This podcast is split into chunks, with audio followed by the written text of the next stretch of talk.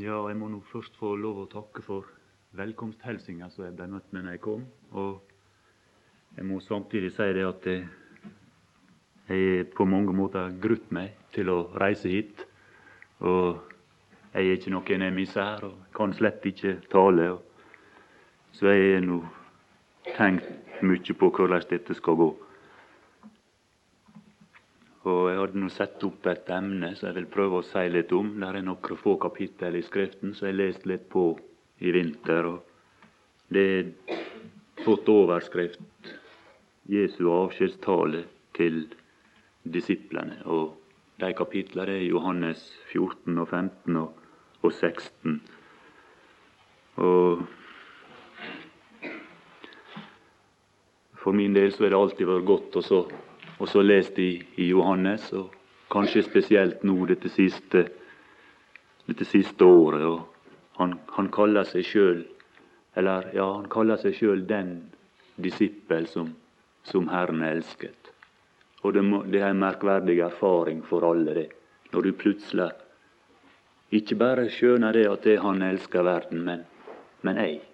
Akkurat sånn, sånn som jeg er, så er jeg den disippel Herren elsker. Eller om ikke jeg er disippel, så er den person Herren elsker. Han gjorde den erfaring, han Johannes. Han Paulus han sier det samme. Han snakker om i Galaterbrevet om Guds sønn som, som elsket meg. Og for Johannes så hadde det konsekvenser, dette her forhold. Det førte til at han, han søkte inn til denne personen som elsker ham. Så finner du nå stadig i Herren sin nærhet. Og i kapittel 13 så, så så, så ligger han opp til, til Jesu bryst ved, ved, ved nattverden. Han søkte inn i oss nærhet. Og Så er det noe som skjer da med, med de som, som gjør det, med de som opplever et sånt nært forhold med Herren. Og, og jeg syns det er ganske fint å legge merke til der i, i det 13. kapittelet, når dette spørsmål en, en av eder skal forråde meg, når det er oppe der i den samtalen.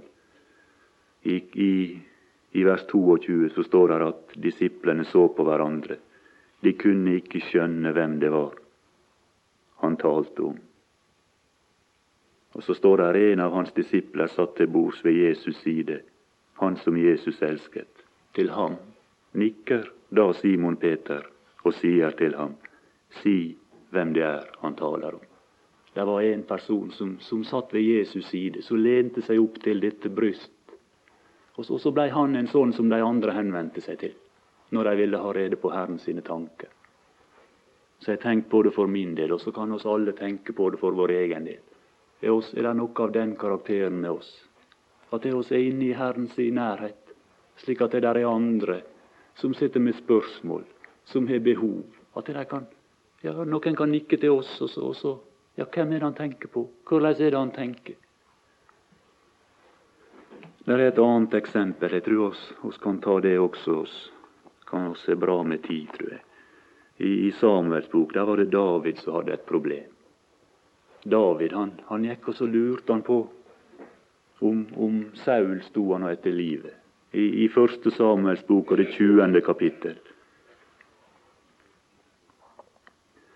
Så hadde han flykta, og så, så lurte han på hvordan, hvordan da, hvordan Saul var til sinns når, når, det gjaldt forholdet til David. Var han venn, eller var han fiende?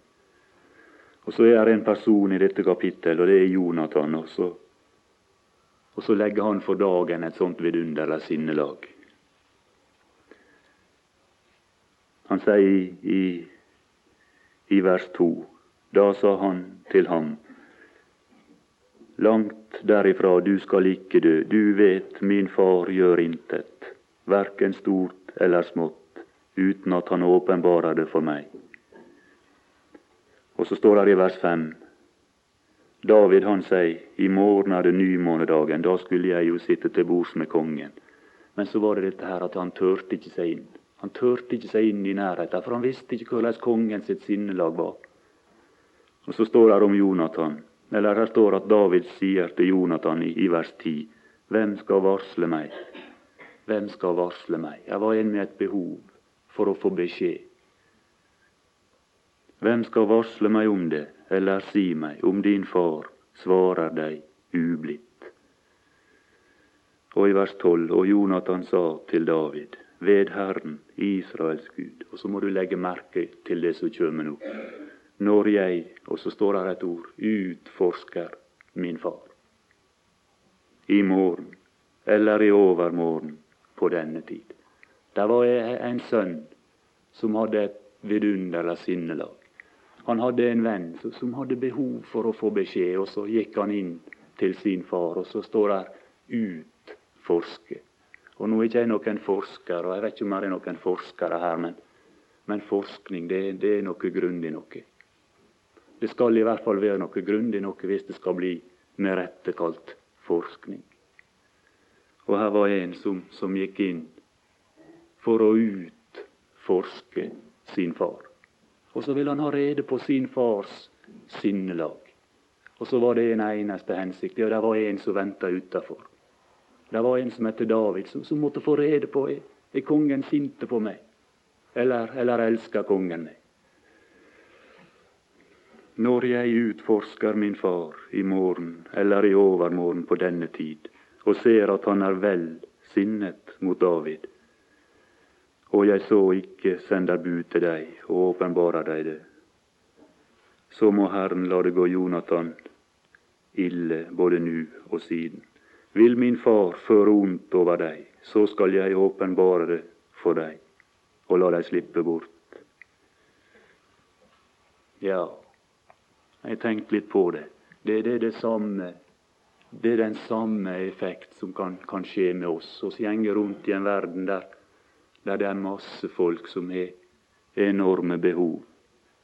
Ikke på det materielle området, i hvert fall ikke i vårt land. Men du verden hvor, hvor få det er som er rede på Herren sitt sinnelag. Som veit hva Herren tenker med hensyn til deg.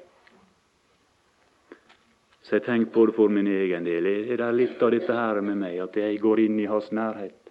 Setter meg til bords med min himmelske Far, og så gransker Hans sinn i den hensikt og så skulle gå ut igjen til ei sjel og så fortelle han elsker deg. David han fikk et dårlig budskap her med, med, med Jonathan. Han, og så ble han nødt til å flykte. Men så er det sånn for oss at det, oss kan, han gjøre som Paulus oss kan snakke om at det, han, han, viser sin kjærlighet. Det er det kjærlighet han viser. Det er det som kommer til syne. Og det var sånn med Johannes. Han helte seg opp til Herren sitt bryst, og så ble han fullstendig prega av det. Og så ble han brukt av Den hellige ånd til å skrive ned dette velsigna evangelium. Der du ser dette her er Herren sitt hjertelag. Det slår deg i møte ifra alle beretninger. Overalt. Og jeg, jeg ønsket at hun skulle klare oss å få fram litt av det. Ja, det var Johannes 14. det er Jesu avskjedstale. Han, han, han er han, Der står i første kapittel at han kom til sitt eget, og hans egne tok ikke imot ham. Og, og det er slik at de tolv første kapitlene her, de er, de er opptatt med dette her. Og i slutten av det tolvte kapittel så blir, blir resultatet av, av det arbeid iblant Israel det blir oppsummert på et vis. Og i kapittel 13 så, så er han opptatt med noe der som er kalt for sine egne. Og så har han vendt ryggen til, til Israel, til den nasjonen, og så, og så står det om at han er opptatt med sine egne. Og det er han fortsatt i, i kapittel 14 og 15 og 16 og 17. Der er det denne gruppe som han kaller sine egne, de som, de som hadde tatt imot i løpet av den perioden han hadde gått her nede, og så var blitt hans barn. Og Hva er det, det første han sier her? Vi kommer ikke så langt, men vi kan jo bare lese litt av det. Vi kan lese det første verset i Johannes 14. Eders hjerte forferdes ikke. Tro på Gud og tro på meg. Eders hjerte forferdes ikke. Ja, det, det, var, det, var, kvelden før at han skulle dø. Han sier dette her. Og ikke det er ganske bemerkelsesverdig å legge merke til at Herren han er, han er opp, ikke opptatt med sitt eget hjerte. Eders hjerte forferdes ikke. Jeg veit ikke om noen annen som har legger for dagen en sånn, sånn omsorg for sine. At det er han dagen før han skal dø, så er han opptatt med deres smerte, med deres nød, med deres behov. Og det var ikke fordi at han, han ikke visste hva som skulle skje, for Skriften den sier at han, han visste det. Det står i kapittel 13 og vers 1 at han visste at hans time var kommet. Og i vers 11 han visste hvem det var som skulle forråde ham. Og i kapittel 12 og, og vers 33 dette sa han for å gi til kjenne hva for en død han skulle dø. Det var en som kjente alle detaljer om sin egen død, og som visste hva slags smerte det skulle bli. Og han visste at han skulle svikes. Han visste alt. Og så like fullt så så sier han eders hjerte forferdes ikke. Det, det, det, er verdt å legge merke til det. det er, jeg veit ikke om noen annen, og det er ingen annen som er som den Herre Jesus. Det var ikke noen av disse som var i hans nærhet, som kunne gå inn og så dele hans smerte. og og, og, og vet jeg, Hvis vi går f.eks. til Markus 14, så, så, så var det voldsomt til løftet de ga. han Peter og, og disse her andre. Peter, ja, i vers 29, Peter sa til ham, om enn alle tar anstøt, vil dog ikke jeg gjøre det. Jesus sa til ham, sannelig sier jeg deg, i dag, i denne natt, før hanen har galt to ganger, skal du fornekte meg tre ganger. Men han ble ved, ble ved sitt, ja. Det, det er vanskelig å få folk til å gi slipp på sine egne oppfatninger. Særlig når det gjelder deres egen styrke og deres eies kraft. Det er vanskelig. Han ble ved sitt. Han måtte Ja, det blei en hard skole for noe, Peter. Det blei litt av ei lekse han måtte lære. Og det var en, en hard måte, en vanskelig måte å lære det på.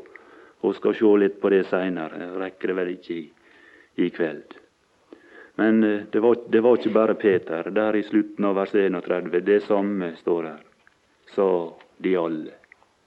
Ja, de, de, de, de lovte så vel. De lovte så vel, alle sammen.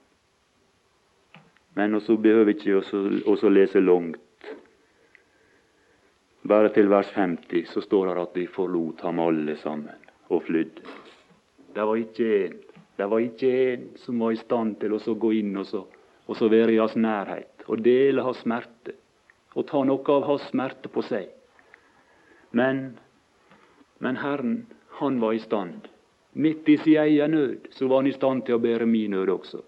Og det er sånn han er fremdeles. Midt i sin egen smerte så er Herren i stand til å glemme det. Og så er han i stand til å være opptatt med meg. Og så ser han mine behov. Og så så han de som han kalte sine egne, sitt behov i denne stund. Og så, og så, og så var det det han var opptatt med å stille. Og Der står i Jesajas 50 om og vers 4 om, om, å, om, å, kunne kvege den trette med sitt ord. Sjøl i den mørkeste timen så var han i stand til å kvege andre med sitt ord. Og, og, og der står videre i Salme 94, og det er vel vers 19, Så kan slå det opp sånn at jeg ikke siterer det feil. Når mine urolige tanker og, og du kan være sikker at det var urolige tanker i hans disipler nå når han begynte å tale om at han skulle forlate dem. Ja, du kan være sikker. Når mine urolige tanker i mitt hjerte blir mange, da husvaler din trøst, min sjel. Så var Herren i stand til, midt i denne stund, og så komme med trøst. Eders hjerte, sa han, forferdes ikke. Det står i, i det er vel 61, der det står om at han treder vinpersen alene. Det var ingen som kunne dele hans smerte. Men det er velsignet å legge merke til ved den Herre Jesus at det, i sin egen nød så er han i stand til å gå forbi det, og så er han i stand til å være opptatt med mine behov. Ja, skal han kanskje si litt om det før jeg setter meg igjen. Så bare gjør det slik at vi bare fortsetter på dette her i fortløpende i alle mine vitnesbyrd denne helga. Så jeg kommer ikke til å ha ett emne på, på bibeltimene og et annet emne på, på kveldsmøtet. Det første som de kanskje ble forferda over, det var vel kanskje når de ble vitne til, til den be behandling som Herren fikk. De visste hvordan Herren hadde vært i disse tre årene han hadde gått her. De hadde vært i hans nærhet, og så, og så hadde de sett alle disse velgjerningene. Og Herren han sier det i kapittel 10 at det, ja, han stiller dette spørsmål. Hva for ei god gjerning er det dere steiner meg for? Hva for ei god gjerning? Jeg har vist dere mange gode gjerninger nå. Hva for ei av det er, dere, er det som er slik at dere steiner meg for den? I Salme Ja, det er vel, det er vel i Salme 109. Der står det at han fikk hat til lønn for sin kjærlighet. Hat til lønn. Lønn det er det du unner en som har arbeidet for deg. Lønn er et uttrykk for ditt hjertelag. Når du er ansatt folk i din bedrift, så ja, det er den lønn du gir dem. Det er et uttrykk for den pris du setter på dem, hvor høyt du vurderer det.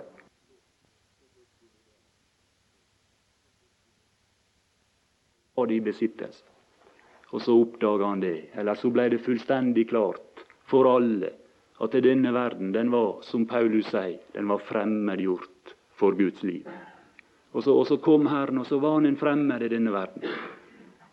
Det var på et vis slik at bare med sitt nærvær så dømte han verden.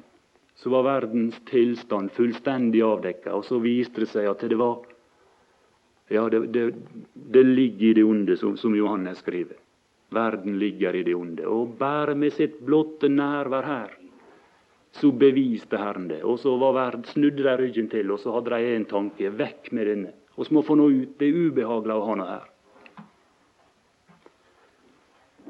Jeg tror nok det at hvis, når hans disipler så dette, så kunne de bli forferda. Ja, er det sånn tilstanden er? Er det sånn tilstanden er? At det er verden ikke bruk for Herren. Ja, sånn var tilstanden. Men så sier han det. Eders hjerte forferdes ikke tro på Gud og tro på meg. Og når det er snakk om tro, så er det snakk om et budskap som som skal smelte sammen med meg. Og så hadde han sagt noe, og så var det sagt noe i Skriften som kunne ha den effekt på disse at når de så hvordan det gikk, så, så skulle ikke de bli forferdet. Det var andre ting. De kunne bli, Det var deres egen framtid. De kunne bli usikre med hensyn til sin egen framtid. Vi veit hva det står, at om dem at de var fiskere. Og så, og så, en dag så kom Herren forbi båten, og så, og så sa han 'følg meg'. Det var et kall. Og så forlot de båtene sine og, og utstyret, og så, og så fulgte de Herren. Og så nå begynner han å snakke om at nå, nå skal han fare ifra dem. Det var grunn til å bli forferdet. Vi har forlatt alt, sier de i, i Matteus 19. Vi har forlatt alt. Og så hadde de basert hele sin eksistens på Herren. Ja, hva skal det bli med oss nå når Han reiser ifra oss? Ja, det er et vidunderlig vers i ja, det åttende. Jeg vil ikke efterlate der farløse. En far det er en som forsørger sine. Og det måtte være et trøstens budskap for deres hjerte. Nå hadde de forlatt sine fiskebåter og sine garn og sine nøter. Og så hadde de fulgt Herren, og så nå vil han reise ifra dem. Hvem skulle de da lite på? Og Så sier han det, jeg vil ikke efterlate dere farløse. Det skal ikke være slik at når de drar herifra, så er det ingen som sørger for dere. Nei. Og vi finner denne, denne usikkerhet og denne skuffelse i disse to som, som gikk til Emmaus i lag. De, de, de sier det at vi, vi hadde håpet, vi hadde håpet. De hadde forventninger som var, som var knytta til Herren. Vi håpet at han var den som skulle forløse Israel. Så står det lenger oppe at de sto stille med sorgfullt åsyn. Det var forferda hjerte. De var skremt. Ja, hva skal det bli nå? Og i Johannes 16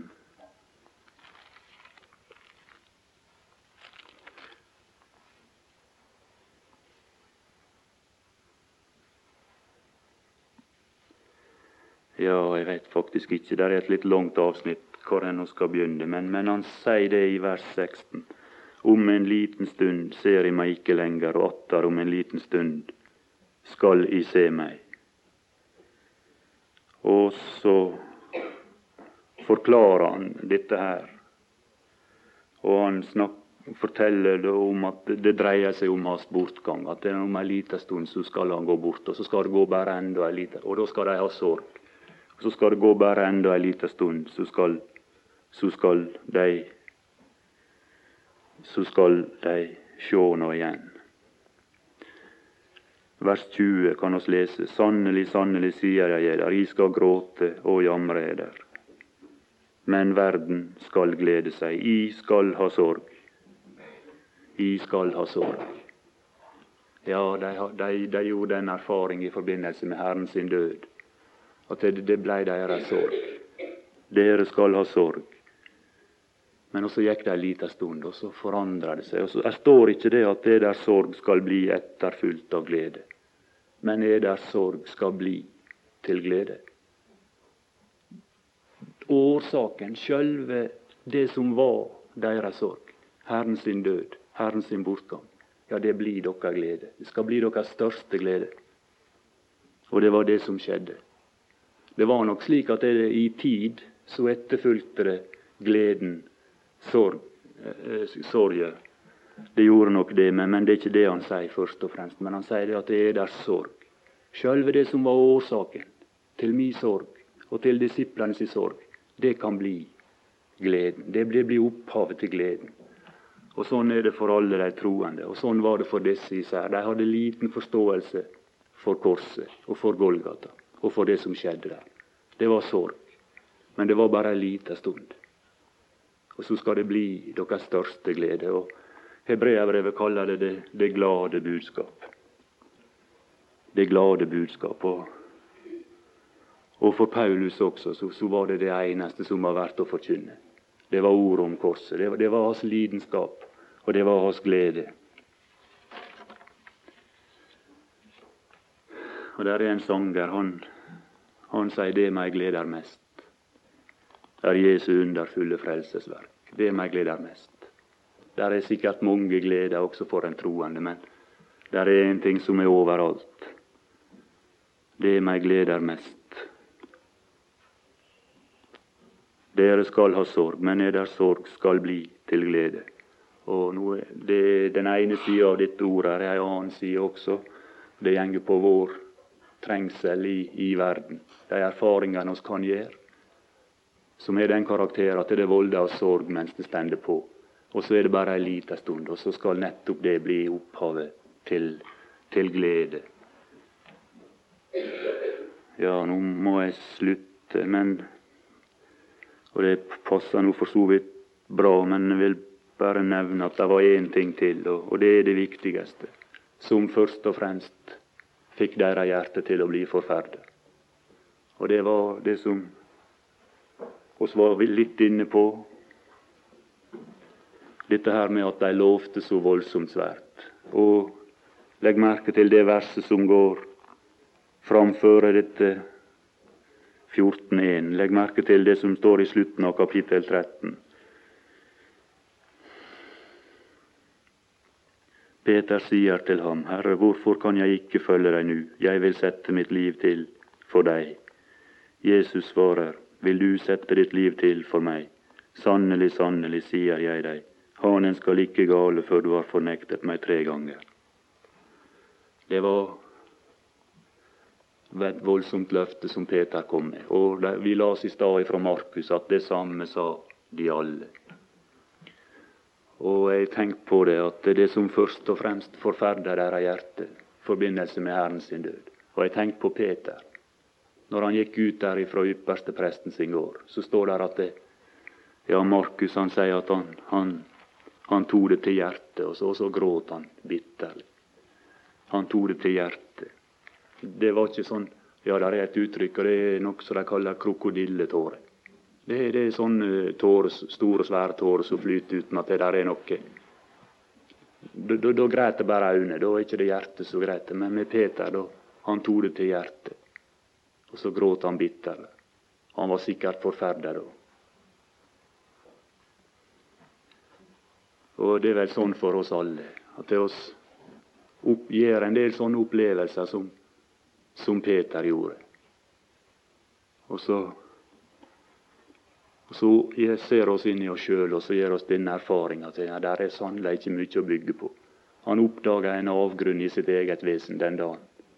Han var ikke klar over det før. Han trodde sikkert, og han hadde sikkert ikke løft så svært hvis ikke det var fordi han var sikker på at han skulle holde det. Kan være, oss kan være sikre på det. Han, han hadde de beste hensikter. Og det er mange som troende i dag som har de aller beste hensikter.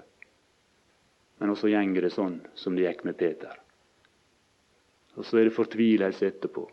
Så lurer han på hvordan kunne, kunne, kunne jeg gjøre noe sånt. Hvordan kunne jeg gjøre noe sånt? Og så blir han oppmerksom på, på noe i sitt eget hjerte, en avgrunn. Men også så var det en løsning her for Peter på hans problem. Men vi får ta det i morgen. Vi får bare la det, la det være med dette her for i kveld.